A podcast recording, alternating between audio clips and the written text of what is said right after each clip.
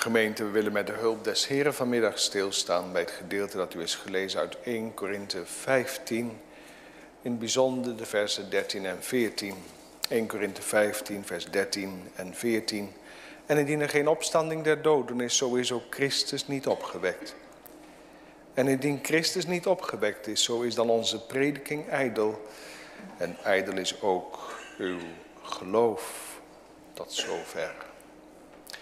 Paulus over de opstanding van Christus. Paulus spreekt van de opstanding van Christus. In de eerste plaats letten we op zijn verwondering. We letten dan op het verband van onze tekst. We merken daar iets van, van die verwondering. Wanneer hij spreekt van de onwaardigheid om een apostel genaamd te worden in vers 9.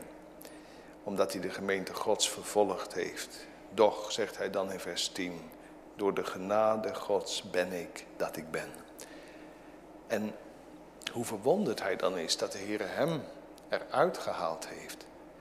En dat de Heer hem gebruiken wil. Maar hij heeft een boodschap voor de gemeente van Korinthe, onze tweede gedachte, zijn boodschap.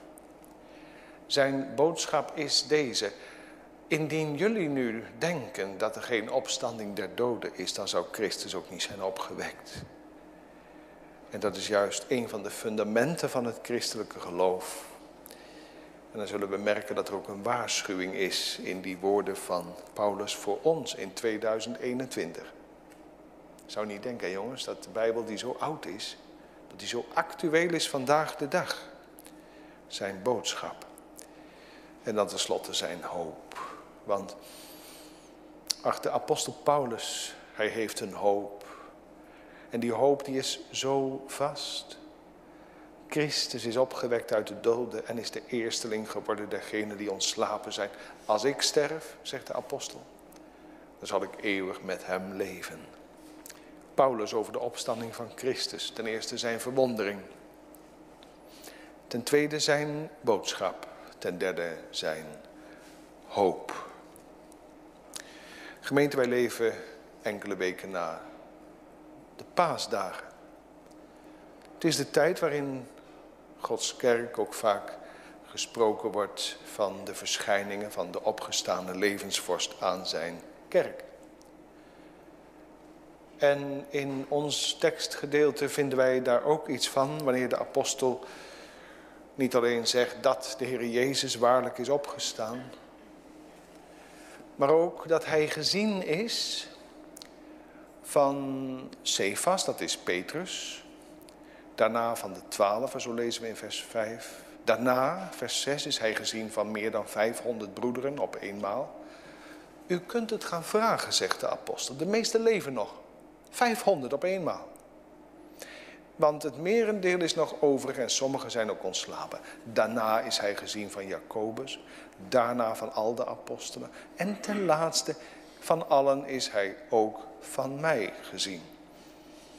Waarom is de apostel zo uitgebreid in het zeggen hoe de Heer Jezus Christus verschenen is als de opgestaande levensvorst? Welgemeente, we moeten iets weten van de gemeente van Korinthe om dat te kunnen begrijpen.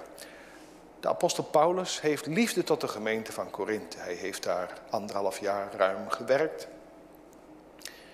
En daar waren banden gevallen, daar waren kinderen des Heren. Hij richt zich in zijn zendbrief ook tot de gemeente.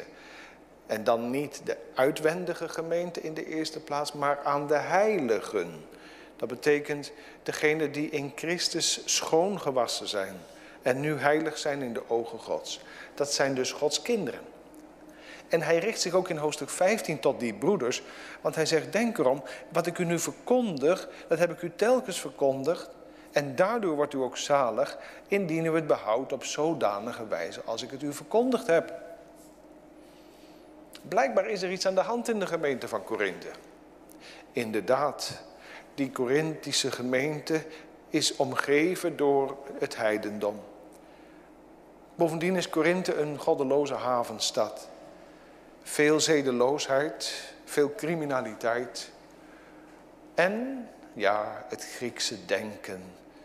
Daarmee waren de mensen doordrenkt.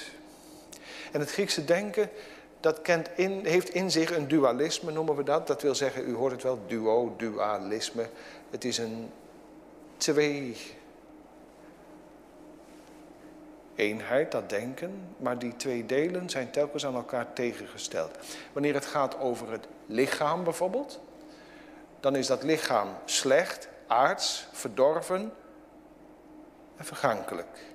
En dan de ziel, die is goed, die is van hemelse en goddelijke herkomst, die is, die is eeuwig. Maar het lichaam niet. Het lichaam vergaat.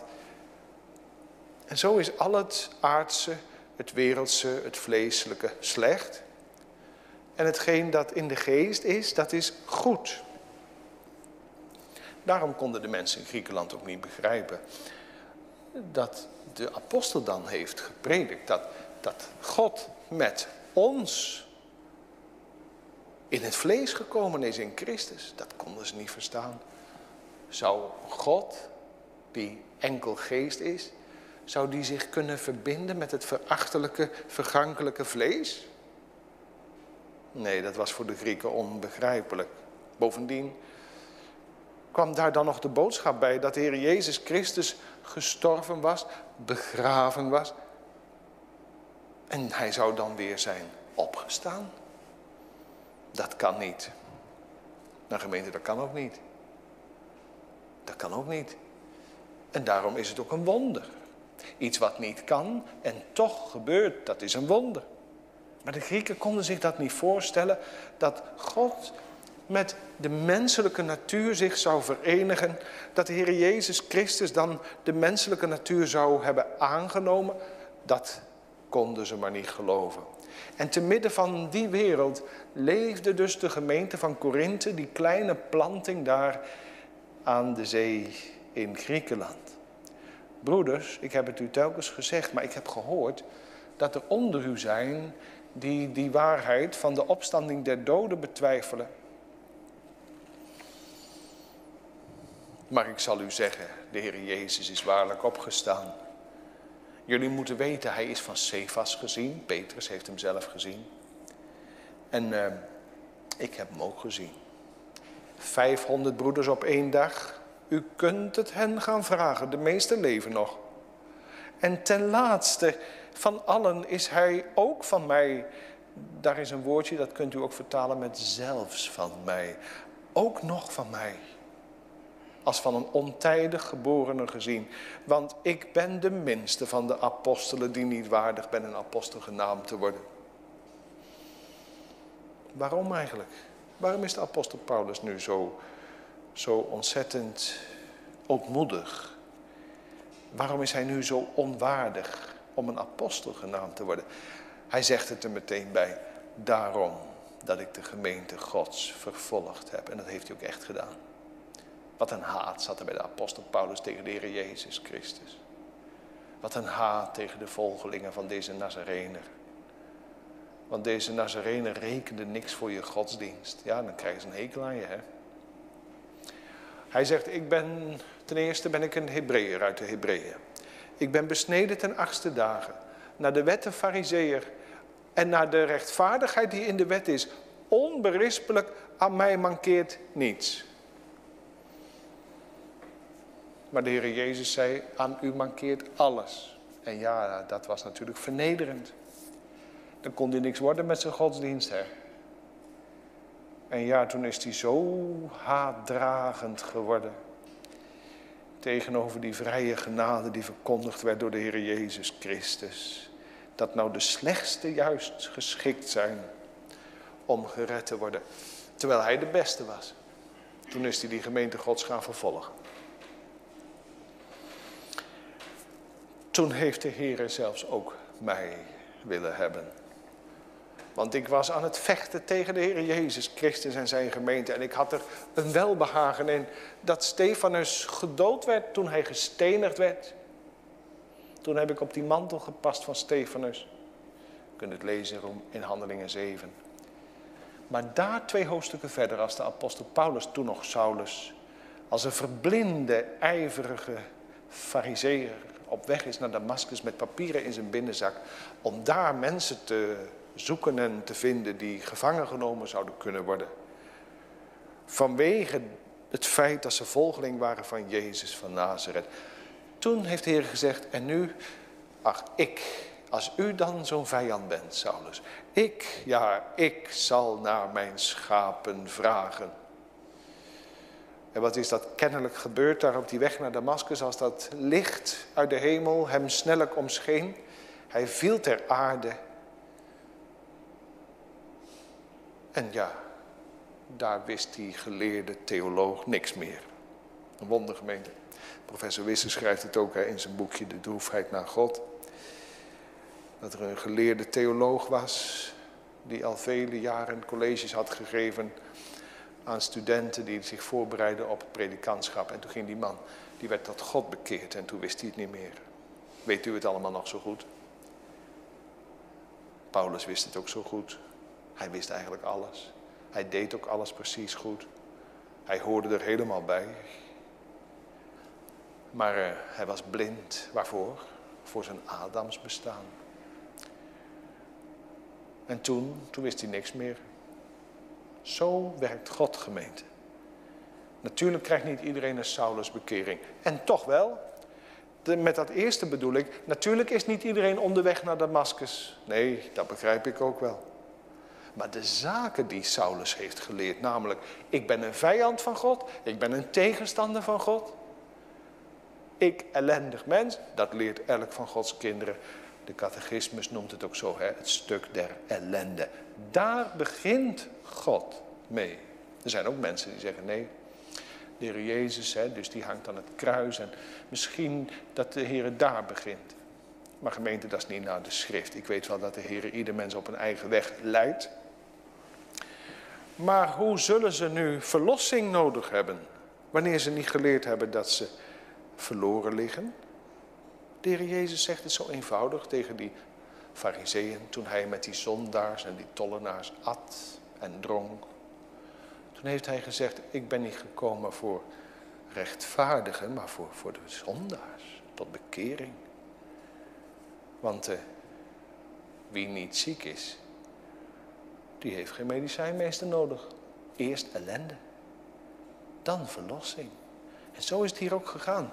En iets van die ellende werd door Saulus doorleefd. Ik ben een vijand van God, ik heb de gemeente Gods vervolgd. Maar ook, hoe dom werd hij toen ineens? Hij wist niks meer. U kunt het lezen. Hij zegt, wie zijt gij, heren? En nog iets.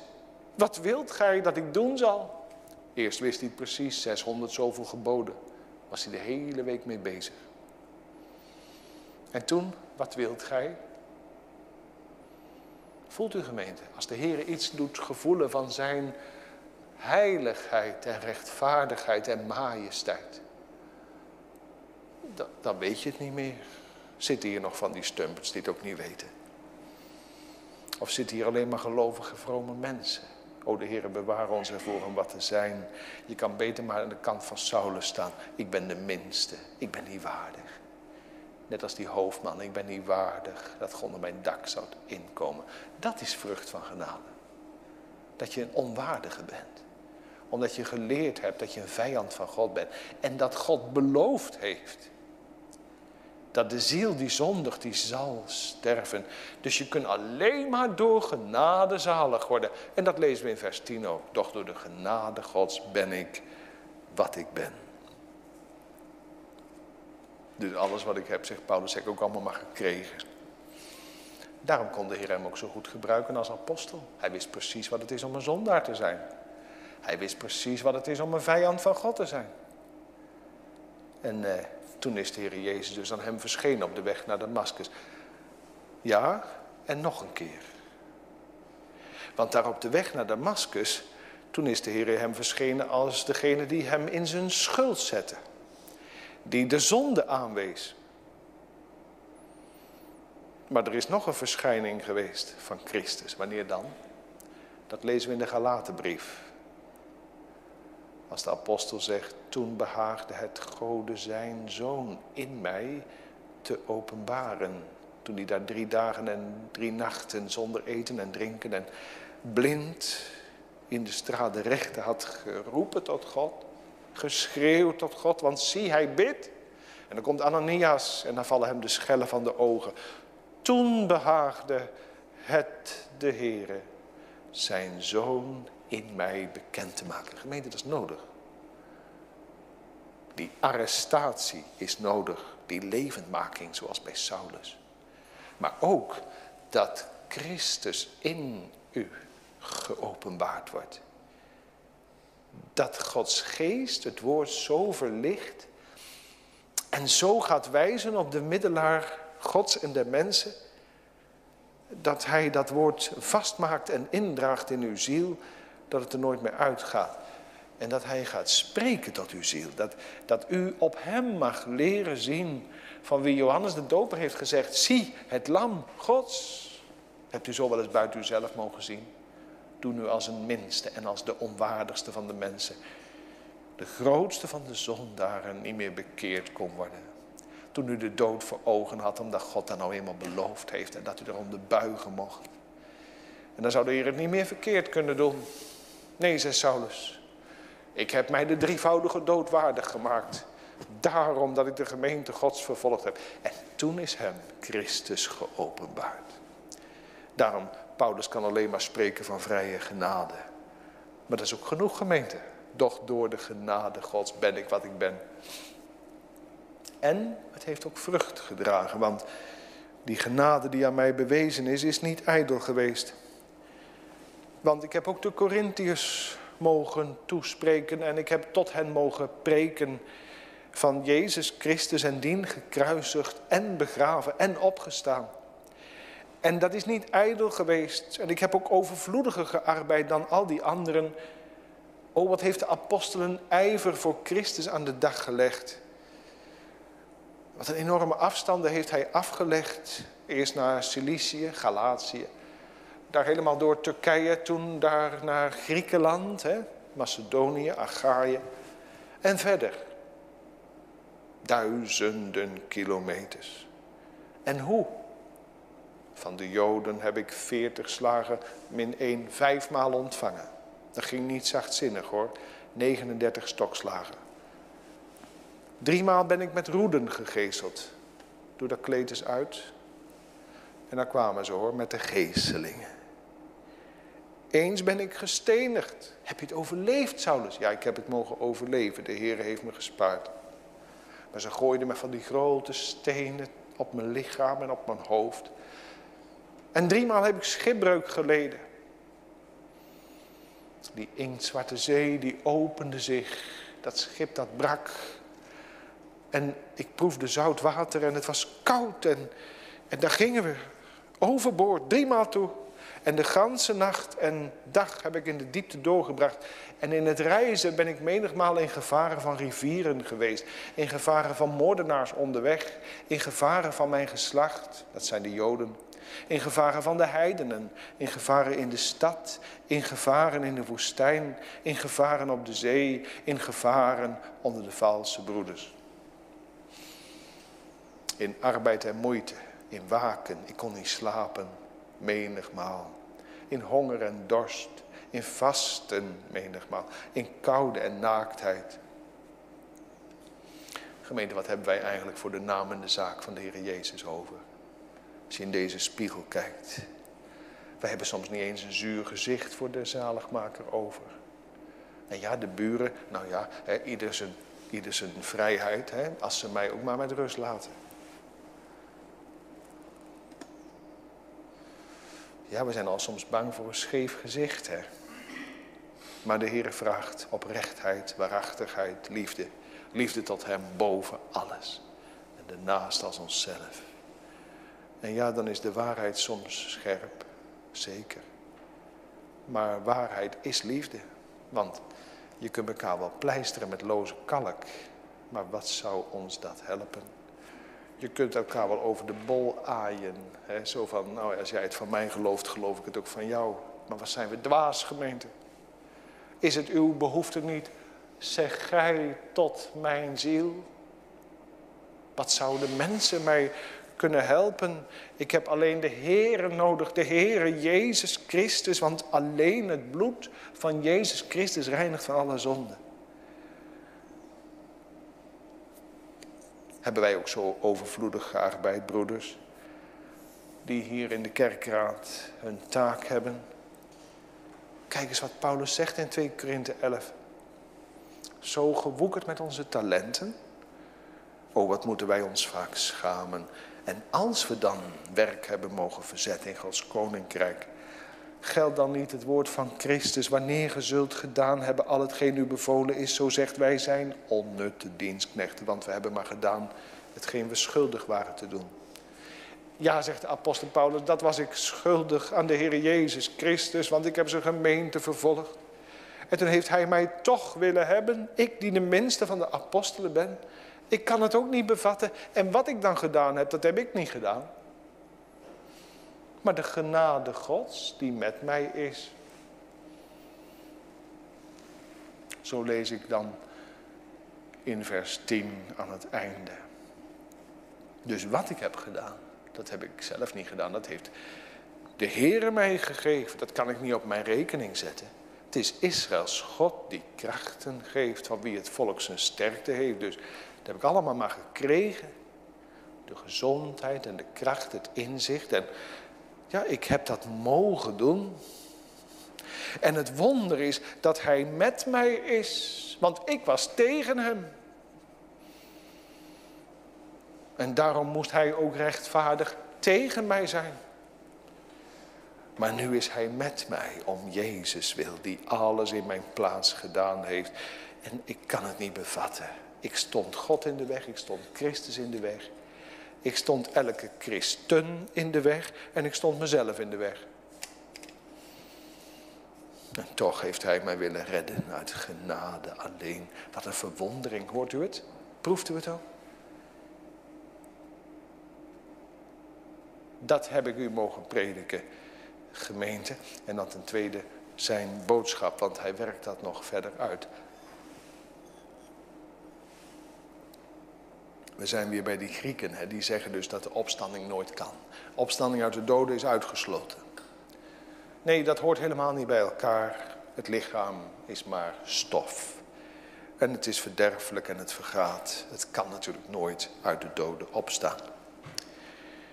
Maar de apostel Paulus heeft gehoord dat dat in de gemeente van Korinthe opgeld deed en dat sommigen daar eh, ja, toch in mee wilden gaan.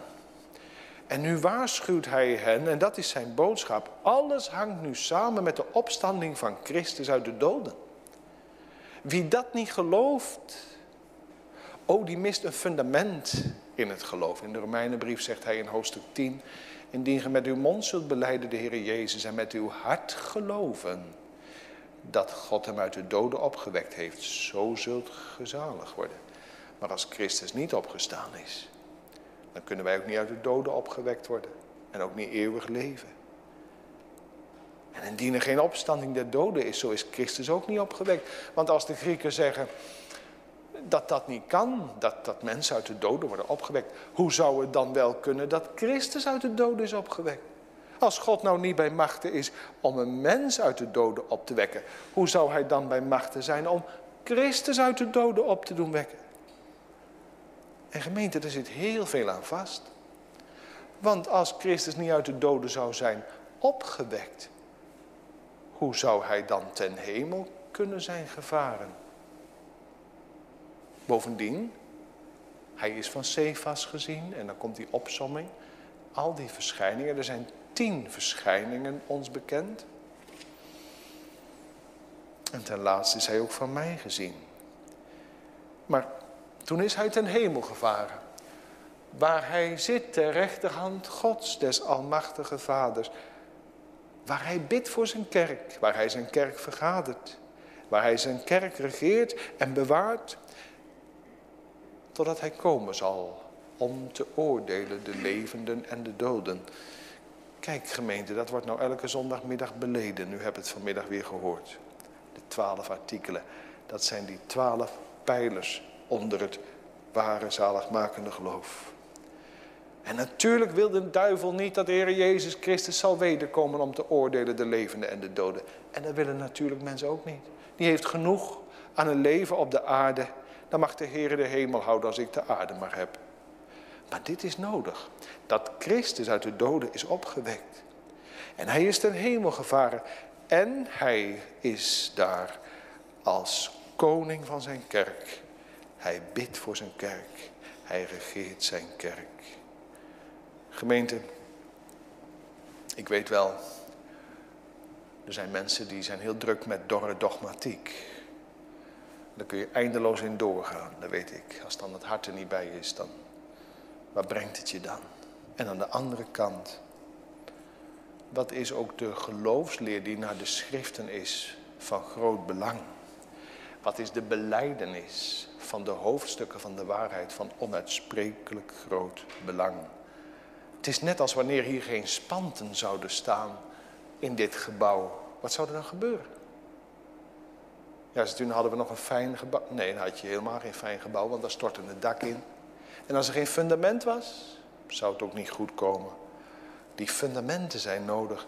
Die spanten zijn nodig. En dat houdt de zaak op zijn plek. En dat is ook nu nog zo, gemeente. Want toen leefde de gemeente van Korinthe rondom in het heidendom. Maar denkt u dat dat nu anders is? We komen weer in diezelfde situatie. Die meent te staan, zie toe dat hij niet vallen. Wie in de waarheid niet blijft, die uh, raakt de Bijbel kwijt. En wat is dat actueel, gemeente? Die raakt dan ook de God van de Bijbel kwijt, die raakt Christus kwijt. Nou zijn er bepaalde mensen, misschien zijn hier ook wel jongelui die studeren. En die komen dan onder de indruk van de wetenschap. En dan horen ze ook dat het een uitgangspunt is dat de evolutietheorie toch wel gelden moet, want de wetenschap zegt dat de aarde is miljarden jaren oud.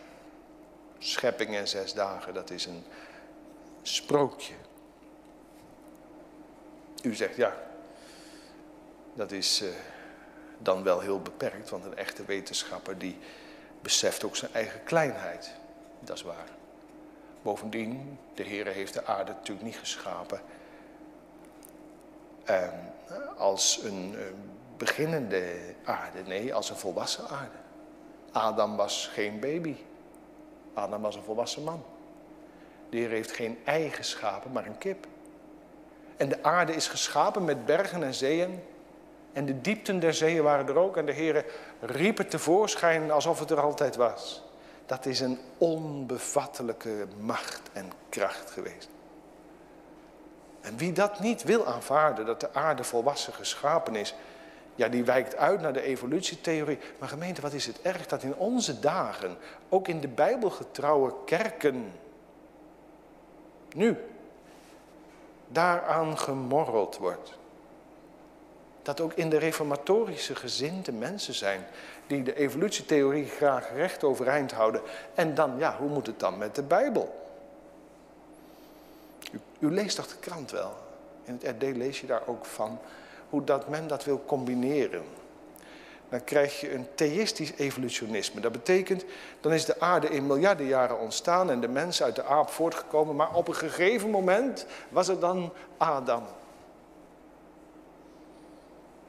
Ja, maar hoe gaan jullie dan om met, met Genesis 1 tot en met 12? Wel, zegt dan professor Van de Brink, dan moet je dat anders lezen. Kijk, dat is nou de invloed van het heidendom in de kerk. Triest gemeente dat dat momenteel gaande is. Zult u goed wakker blijven. Jonge mensen, jullie ook als je gaat studeren. Zul je goed wakker blijven. Dat je nooit de schepping in zes dagen zult verloochenen. Want dan raak je Adam kwijt. Je raakt de staat der heerlijkheid kwijt. De zondeloosheid van Adam en Eva. De diepe zondeval. En je raakt Christus kwijt. Ik kom daar zo op terug. Dan is er nog zo'n tweede onderwerp. Wat ook nu zo speelt. Die hele genderlobby. Namelijk, die ongelooflijk sterke gesubsidieerde macht bij de Verenigde Naties en ook in ons land. Die niet wil dat God gezegd heeft dat man en vrouw geschapen zijn. Maar die wil dat alles vloeibaar is en dat het geslacht niet een zaak is van het lichaam, maar van de geest. En dat het per week kan veranderen, dat je kan laten opereren, enzovoorts, enzovoorts, enzovoorts. En nou weet ik, gemeente, dat we nooit onbarmhartig mogen zijn. Altijd liefdevol. Mensen die homofiele gevoelens hebben, mogen in de kerk er net zo goed bij als alle anderen. Maar er is in de kerk geen plaats voor de zonde. En dat geldt voor iedereen. En als je het zo zegt, dan blijf je zuiver. Maar deze lobby die nu gaande is, die wil dat de schoolboeken veranderd worden. Alle schoolboeken. En de inspectie moet naar de scholen om te kijken of het echt gebeurt. Wij komen nu in een tijd dat er een staatspedagogiek komt die zegt hoe ik denken moet. Ja, zegt u, dat lijkt het communisme wel ten tijde van in, in Rusland, achter het ijzeren gordijn. Ja, inderdaad. Of misschien de gelijkschakeling in de tijd van de naties. Iedereen moest precies hetzelfde denken. En oh wee, als je anders dacht, dan schakelden ze je uit, want er was een gelijkschakeling van iedereen. Voelt u gemeente? Hoe bedreigend dat is. En dat dan in de christelijke gereformeerde kerken nu vrouwen in het ambt worden bevestigd. Zult u bidden ook voor die kerken, waar ook getrouwe predikers zijn en getrouwe ambtsdragers, die met grote zorgen zijn bezet hoe gaat het dan? Men zegt, ja, we leven nu, het staat er wel, maar we leven nu in 2021. Wij weten toch wel iets beter dan Paulus hoe het zit, terwijl het woord van God geïnspireerd is. O gemeente, in wat voor tijd leven wij? Wat een actueel hoofdstuk is 1 Korinthe 15. Corinthiërs krijgen van Paulus te horen, als het heidendom vat krijgt op de gemeente, raak je de waarheid kwijt, raak je het geloof kwijt, je raakt God kwijt en je raakt Christus kwijt. Nou, zegt de moderne kerkmens in onze dagen, zo moet je dat niet zien. Het gaat toch om Christus. Kijk, dat Jona in de vis is geweest, dat geloven wij niet. Dat kan ook helemaal niet. Maar dat Christus uit, ja, dat, dat dan nog wel. Maar gemeente, dan maak je de Heer Jezus tot een leugenaar die gezegd heeft, gelijk Jona drie dagen en drie nachten in de vis was. Heeft de Heer Jezus gelogen?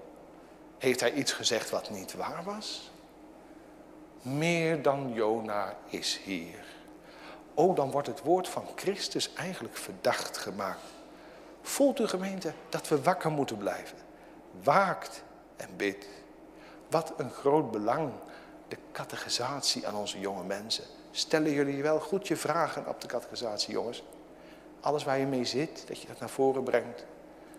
En dat je dan ook samen zoekt in het woord naar een antwoord met de ambtsdragers. Daar heb je ook de kerk voor. Je hoeft niet alleen te zijn. Maar de machten van de afgrond zijn zo ontzaglijk.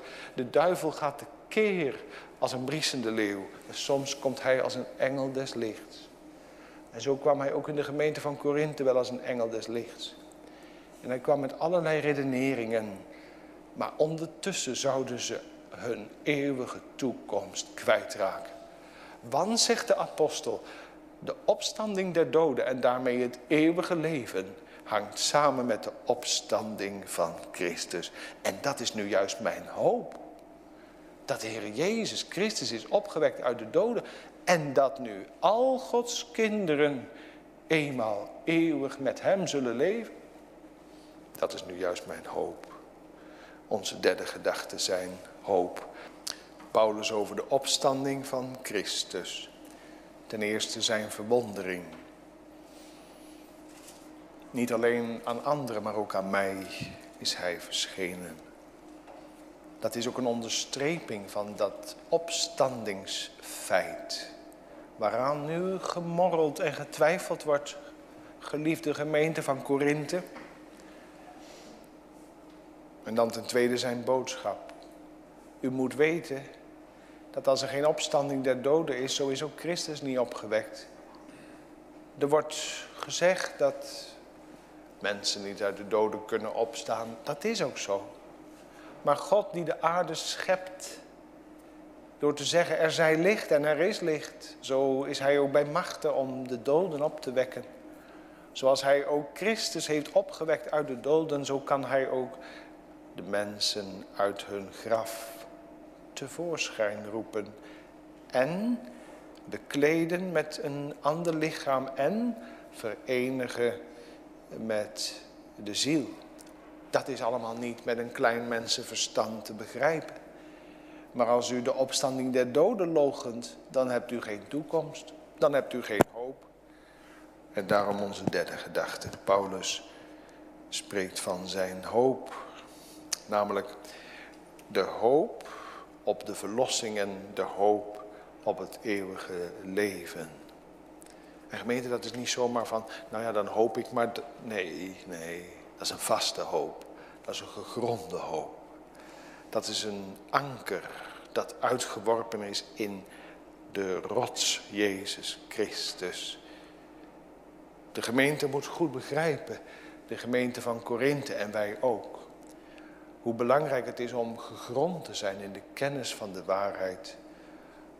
U komt toch ook trouw naar de catechismusprediking luisteren, of u luistert thuis mee, of vindt u de catechismusprediking misschien van ondergeschikt belang? Nee, toch zeker.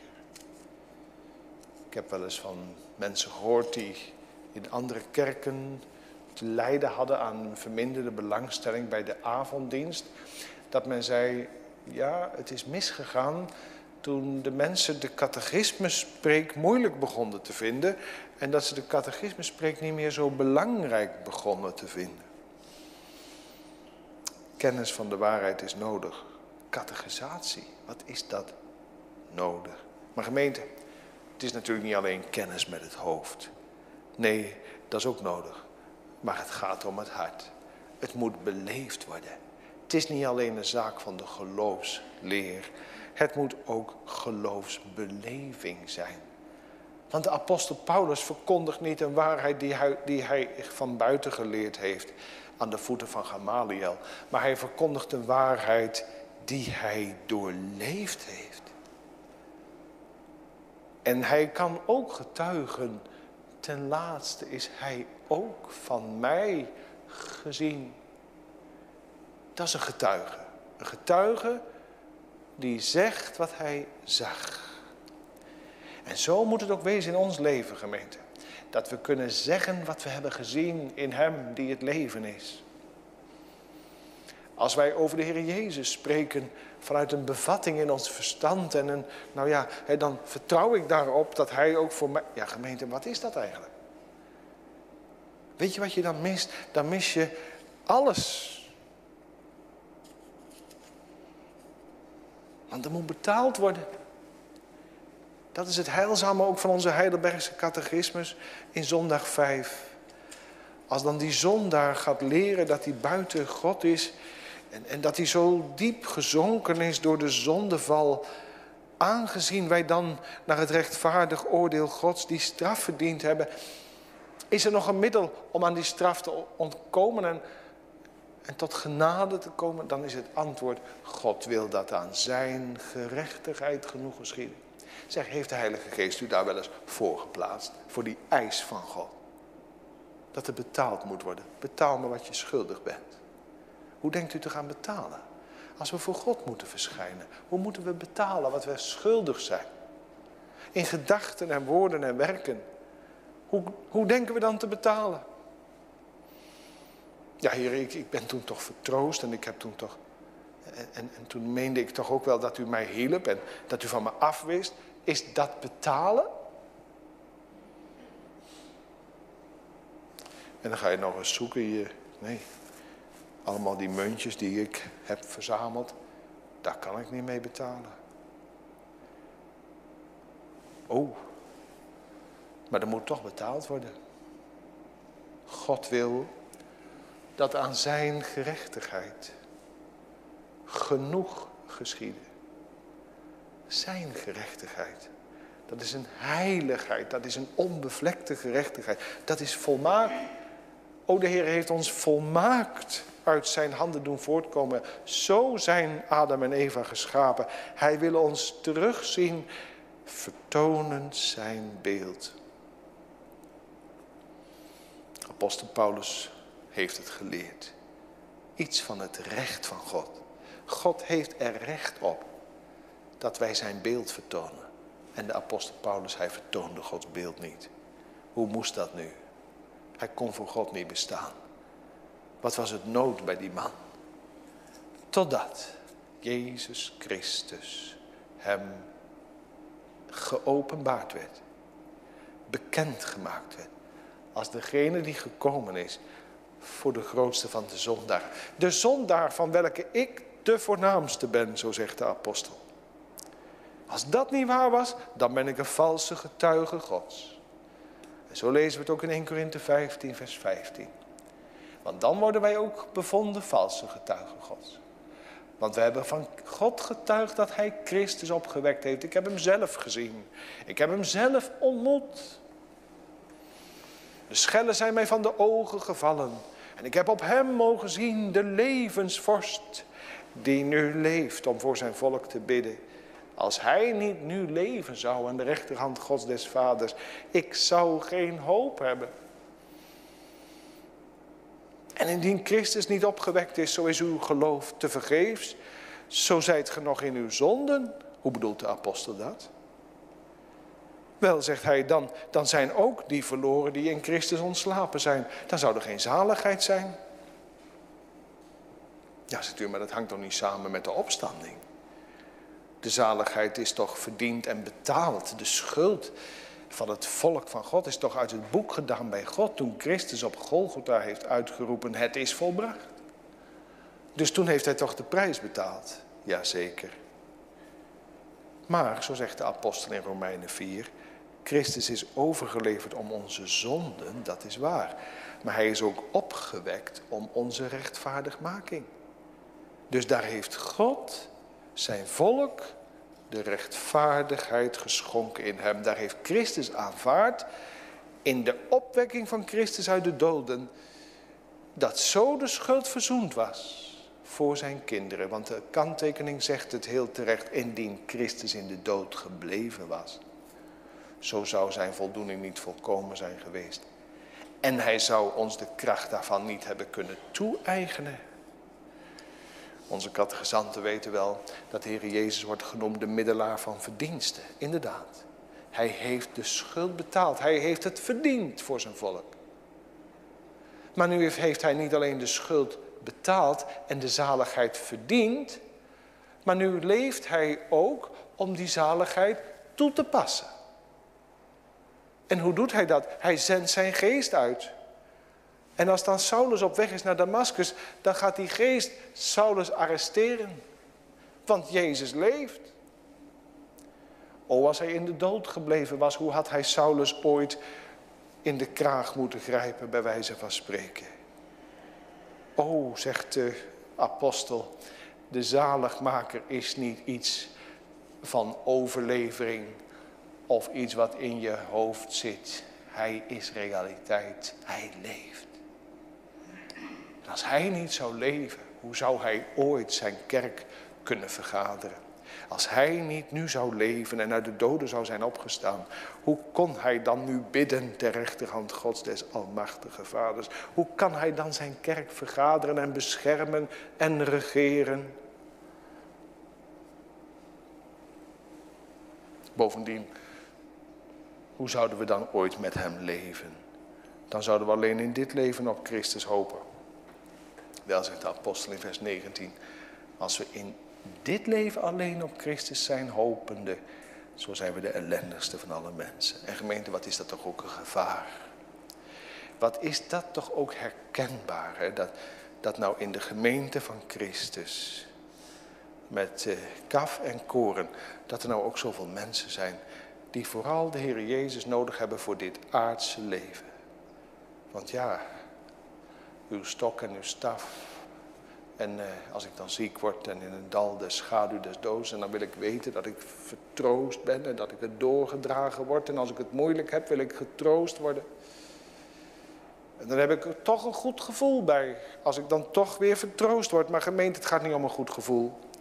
Het gaat erom dat wij in Christus begrepen zijn, dat Zijn verdienste ons wordt toegerekend en dat we dat door het geloof mogen weten. Dat is het geschonken geloof. Dat de apostel is geschonken wanneer zijn ogen werden geopend voor Christus. En als we nou alleen in dit leven op Christus zijn hopende, dan eh, zijn we de ellendigste van alle mensen. Als Christus niet opgewekt zou zijn, dan zouden wij ook niet opgewekt worden. En gemeente, wat is nou de begeerte van Paulus? Heeft hij het niet gezegd? Dit is mijn begeerte. Dat ik nu ontbonden zou zijn. Om met Christus te zijn.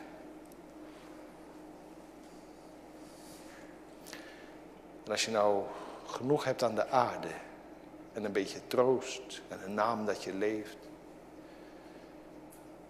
Als je daar nou genoeg aan hebt, zegt de apostel Paulus, dat is het ware leven niet.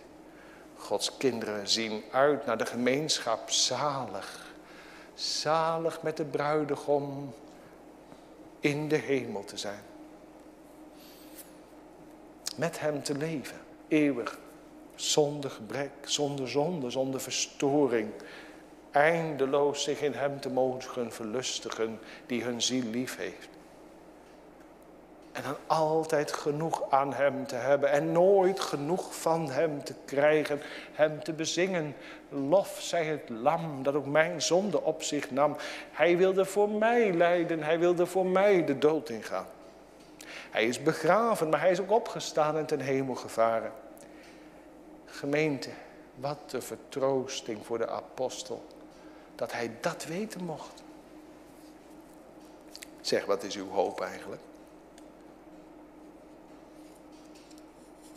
Wat is uw vaste hoop?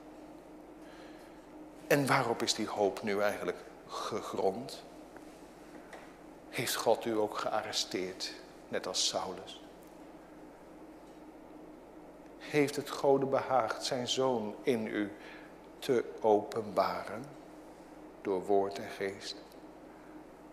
Kent u de Heer Jezus? Niet alleen omdat u weet wie Hij is en wat van Hem gezegd wordt in de schriften, maar dat hij in die omgang met u meer en meer gekend wordt. Want de kennis van Christus is een bevindelijke kennis. Dat betekent een ervaringskennis. Zoals een jongen en een meisje met elkaar omgaan om elkaar steeds beter te leren kennen. Dat is de kennis van Christus. Wanneer hebt u hem ontmoet voor het eerst? Hoe is het nu? Vertel eens, hoe is dat begonnen? En wat sprak hij toen tot uw ziel? Van denk erom, hij heeft gezegd, mijn schapen horen mijn stem.